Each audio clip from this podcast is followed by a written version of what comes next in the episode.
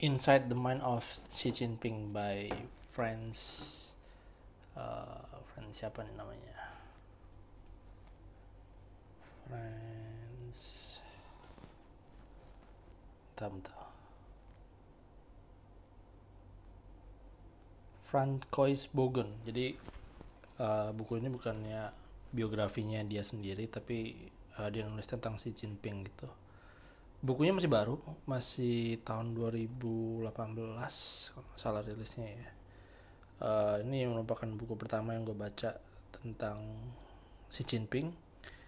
Mungkin gue sebut namanya salah semoga dia nggak marah. Uh, ya soalnya gue nggak bisa Mandarin hihi jadi ini buku apa ya betul udah lama sih penasaran gitu sama si Xi Jinping ini gitu kan jadi kayaknya dia tuh kelihatan diem-diem nggak banyak ngomong gitu kan. Tapi kok kayaknya presence dia itu uh, dirasain banget gitu ya di zaman Cina sekarang ini gitu kan. Uh, Cina udah jadi negara yang besar dan uh, very powerful gitu kan bahkan udah menyaingin United States. Nah uh, iya gue penasaran tentang dia gitu. Kok siapa sih nih orang gitu kan? Uh, ketika kita mikir tentang Cina gitu uh, yang kita bayangin tuh dia komunis yang kita bayangin dia negara yang tertutup gitu kan. Uh, tapi kalau udah pernah ke Cina pasti akan ngeliat bahwa bayangan-bayangan yang kita bayangin itu sebetulnya sangat beda dengan kenyataan yang ada di sana gitu. Yang kita dengar tuh serem-serem kayaknya tapi pas nyampe sana ternyata ya sama-sama aja kurang lebih sama negara barat sama di negara tempat-tempat lain gitu udah modern juga aman-aman aja jalan di sana gitu nggak pernah ada yang aneh-aneh gitu kan. Nah uh, ya ketika kita bicara tentang Cina gitu kita nggak bisa uh, jauhin itu dari si Jinping gitu. Nah si Xi ini kita sebut Xi aja di sini karena namanya susah disebutin. Si Xi ini uh, merupakan presiden di Cina atau pemimpin tertinggi di Cina di situ bukan presiden jadi kayak general secretary atau apalah gitu. Nah um, apa ya? Dia itu jadi karirnya itu mulainya udah dari awal dari uh, bisa dikatakan pegawai negeri yang paling bawah lah gitu. Terus dia mulai naik naik naik naik naik naik sampai ke jadi presiden gitu. Jadi di Cina itu uh, sistem komunis partinya itu sebetulnya bagus karena dia buat menyaring uh, menyaring orang-orangnya gitu. Jadi harapannya dengan adanya proses-proses yang berjenjang itu setiap orang yang naik ke posisi di atas itu udah pernah ngalamin di bawah bagaimana menghadapi lapangan gitu. Jadi bukannya cuma orang yang ngerti teori doang tapi yang benar-benar udah teruji track recordnya gitu. Ya tentu semua sistem nggak ada yang sempurna ya tapi uh, that's the basic idea gitu terus si si Jinping ini juga uh, dia bisa dibilang apa ya dia itu termasuk keluarga yang sebetulnya kalangan dikatakan elit gitulah di sana di Cina dulu. Tapi bapaknya itu kayak fallen of favor jadi kayak pokoknya ada kasus gimana bapaknya itu yang disalahin gitu disalahin dan uh, akhirnya dia itu kayak istilah dianggap keluarga yang jatuh lah gitu di mata uh, pemerintah Cina pada saat itu gitu atau uh, party pada saat itu gitu orang-orang pada saat itu gitu. Um,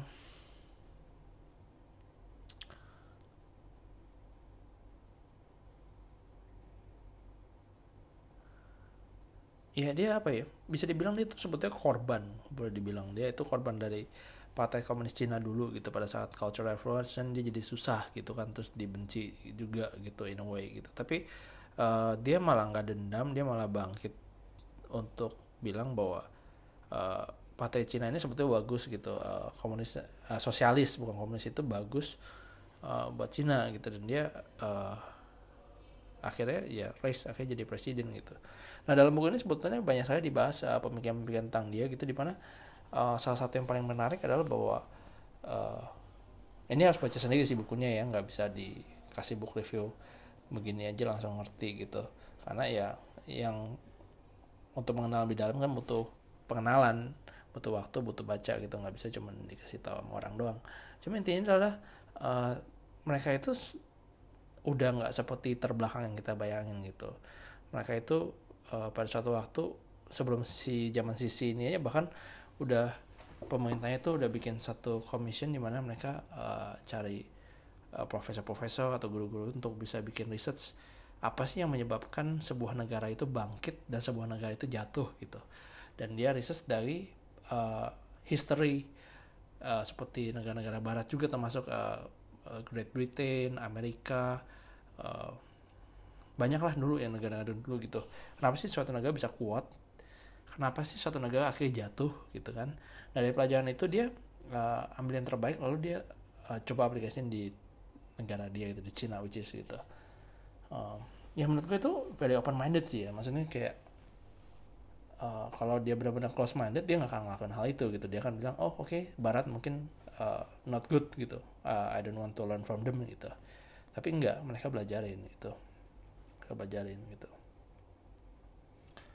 Uh, terus ya mereka ini Cina ini sebetulnya sistemnya itu uh, niru dari Singapura gitu. Atau at least uh, belajar dari Singapura gitu di Singapura itu sistemnya namanya meritocracy gitu. Jadi uh, ya itu konsep party tadi uh, partai komunis Cina itu bahwa eh, orang-orang yang naik itu adalah orang yang sudah teruji gitu terrekodnya di posisi posisi-posisi yang di bawah sebelumnya gitu. Jadi uh, ketika ke atas itu udah jelas gitu uh, dia mampu untuk ngelakuin hal itu gitu. Uh, ya. Yeah. jadi Cina itu benar-benar ini sih uh, apa beda ya sama yang dunia bayangin ya memang kan karena juga kan uh, namanya ya ada culture war ya yang terjadi di saat ini itu antara uh, komunis, sosialis sama demokrasi di barat gitu. Nah, ini culture war ini uh, bisa dibilang sesuatu yang fundamental gitu. Jadi kayak ada orang yang percaya bahwa seperti Cina itu bahwa sosialis itu bahwa semua orang itu harus uh, prosper gitu. Semua orang tuh harus uh, kurang lebih hidupnya bahagia makmur gitu sedangkan kalau di sisi satunya lagi demokrasi uh, berkata bahwa setiap orang itu harus uh, mempunyai kesempatan yang sama uh, dalam bekerja dalam uh, bersuara memberikan suaranya opininya gitu uh, which is untuk setiap hal yang diberikan itu ada satu hal yang diambil. Jadi contohnya di Cina untuk bisa bikin semua orang kurang lebih relatively well off, relatively uh, happy, ya berarti harus ada satu pihak yang berkuasa yang bisa mengenforce semua itu gitu. Untuk bisa memastikan bahwa semuanya dibagi kurang lebih rata gitu.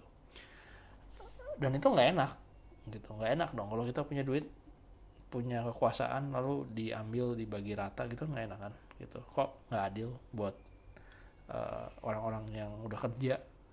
Capek-capek akhirnya dibagi gitu. Meskipun nggak sedirect itu dibagi tapi masih posisinya di situ lah kira-kira gitu. Intinya di situ gitu. Um, kalau di demokrasi yang di barat itu uh, semua orang boleh punya suara which is very good gitu kan semua orang uh, human rights itu masih individual rights itu benar-benar di uh, sebagai sesuatu yang penting yang fundamental hak asasi manusia gitu tapi karena semua orang punya hak asasi manusia, semua orang punya hak untuk mengeluarkan pendapat, semua orang punya hak untuk uh, ngomong gitu. Nah, tiap orang kan beda.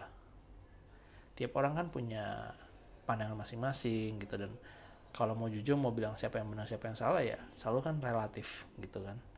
Uh, dan lebih ada lebih dari satu hal yang benar gitu ada beberapa pilihan yang benar gitu. Nah ketika di suatu negara demokrasi semua orang boleh bersuara problemnya adalah sulit untuk mengambil keputusan. Bayangin kalau kita berdua bertiga aja ngambil keputusan itu susah gitu. Ini ada ratusan juta orang semua orang boleh mengutakan suaranya lalu semua orang mau didengar semua orang mau uh, pikirannya dipakai idenya yang dipakai dan jadi selalu ada ribut terus gitu nggak pernah ada habisnya gitu. Akhirnya ya kelemahannya adalah uh, sulit untuk mengambil keputusan sulit untuk bergerak maju karena nggak ada kata sepakat kata sepakatnya tidak tercapai-capai gitu. Untuk setiap uh, pilihan yang diambil pasti ada pihak-pihak yang merasa kok gue nggak diikutin? Kok gue nggak di uh, peduliin? Kenapa pikiran gue nggak ide gue bukan ide gue yang pakai gitu. Ya tapi ya memang uh, nggak ada sistem yang sempurna ya. Maksudnya uh, untuk apa pun itu pasti ada kelemahannya gitu. Cuman yang gue suka satu pelajaran dari buku ini yaitu mengenai sisi ini adalah bahwa dia bilang bahwa uh, penting buat kita untuk bisa adapt to the situation gitu beradaptasi dengan situasi dan reinvent ourselves gitu. Sesuai dengan perubahan zaman gitu. Jadi menurut gue ini konsep yang sangat penting dan uh, keren banget menurut gue karena selama ini kita pola pikirnya kan kita mau cari tahu cara untuk sukses. Kita mau mencari suatu cara suatu metode yang paling bagus lalu kita mau terapin dan harapannya setelah itu semua itu akan terlalu bagus terus gitu. Tapi dengan perubahan zaman yang begitu cepat sekarang gitu makin cepat tapi tepatnya. Karena zaman itu memang selalu berubah. Nah dengan perubahan yang makin cepat uh, bisa dibilang tidak ada suatu teori suatu ide yang bisa dikatakan sempurna gitu bisa dipakai di semua situasi gitu apa yang kita hadapi ke depan ini nanti akan ada hal-hal baru yang begitu berubah begitu cepat dan begitu drastis. Sampai-sampai kita baru berubah nih baru update nih. Eh tahu-tahu udah ada yang baru lagi. Baru mau mulai ngejar update lagi udah ada yang baru lagi gitu. Jadi uh, Sisi punya pendapat bahwa dia uh, sebagai pemimpin dan Cina sebagai negara itu harus bisa beradaptasi dan reinvent menemukan diri, jati diri yang baru lagi kembali dengan cepat gitu untuk mengikuti perubahan zaman gitu. Dan uh, itu terlihat dari bagaimana Cina itu sebetulnya berevolusi gitu. Dari yang tadinya uh, sosialis banget gitu kan. Kalau sekarang kan gaung sosialisnya kental gitu. Tapi kan kalau kita datang ke Cina kita lihat gitu. Bisa dibilang itu nilai-nilai dari Barat juga udah sangat banyak sekali gitu. Sebut saja capital market terus uh, uh, sistem kayak hukumnya juga gitu. Memang mungkin nggak sama kayak di Barat. Mungkin ada hal-hal yang misalnya uh, di Cina lebih apa ya pemerintahnya mungkin lebih pegang kendali gitu dibandingin uh, di Barat yang lebih human rights gitu. Tapi maksudnya kurang lebih kalau kita kita ke sana jalan nih jalan nih ya kurang lebih experience-nya hampir sama gitu nggak beda-beda jauh gitu. Jadi sebetulnya yang dibilang sosialis ini juga udah berubah banyak sekali gitu. Bahkan sekarang istilahnya uh, kata sosialis itu pun sudah tidak menggambarkan apa yang sebetulnya terjadi di Cina gitu. Nah kita masuk ke bagian berikutnya yaitu bahwa kenapa sih Cina tetap make kata sosialis? Kenapa dia jadiin itu sesuatu yang kayak fundamental sesuatu yang fondasi gitu?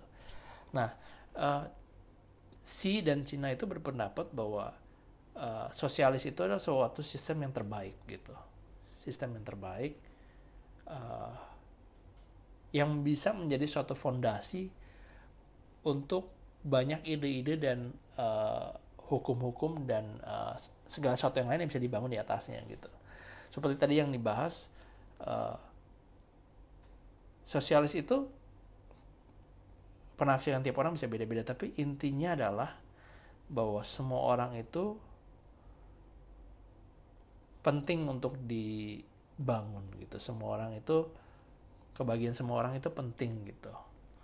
Uh, jadi itu itu konsep dasar dari negara Cina itu adalah bahwa semua orang penting.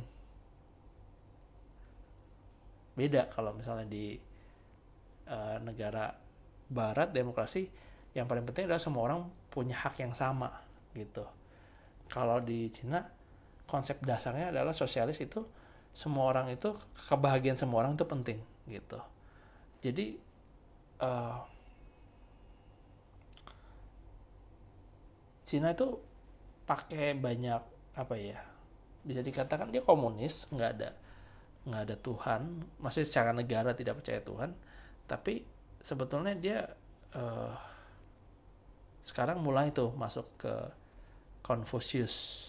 Jadi pada zaman mau cetung dulu itu Confucius itu kan ditentang dilarang gitu kan. Sekarang di zamannya si si mulai Confucius malah dibangkitin lagi gitu.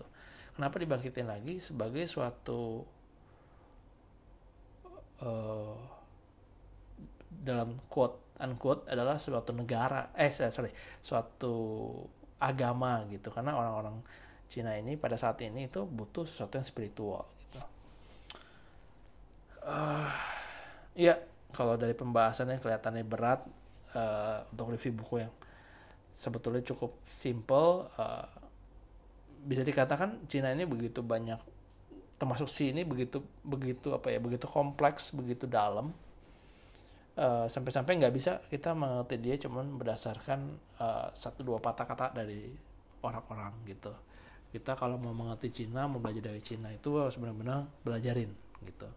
Belajarin culture-nya belajarin uh, sistemnya gitu. Dan I think kita semua bisa belajar gitu dari seorang uh, si dari Cina. Karena apa yang mereka lakukan terbukti uh, berhasil gitu. Ya benar masih punya kekurangan. Tapi nggak uh, bisa dipungkirin dia dari negara miskin sampai sekarang bisa jadi negara maju gitu. Bahkan udah bisa dikatakan nomor dua sebagai superpower gitu. Udah hampir jadi superpower juga gitu. Uh, ya jadi harus baca bukunya sendiri. Uh, eh, gue sendiri juga akan baca banyak lagi buku tentang Cina. Karena gue ngerasa pas kita belajar tentang Cina belajar tentang si si ini uh, itu udah apa ya sudah mencakup banyak hal banyak uh, ide banyak pengetahuan dari lain-lain. Karena ya dia sendiri pun sudah belajar dari yang lain-lain gitu. Dari semua macam-macam dunia ini dia belajarin dia uh, plan terbaik buat di Cina gitu. Dan ya uh, that's good gitu. That's good. That's good. And uh, ya zaman sekarang makin cepet ya kita perlu belajar juga gitu. Uh,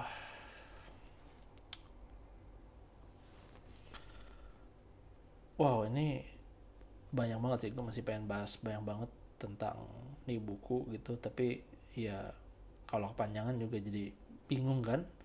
Baca sendiri aja. Nanti udah baca ya kasih tahu gimana deh kira-kira uh, bagus nggak. Uh, kira-kira belajar sesuatu nggak dari buku ini gitu. Oke okay, ciao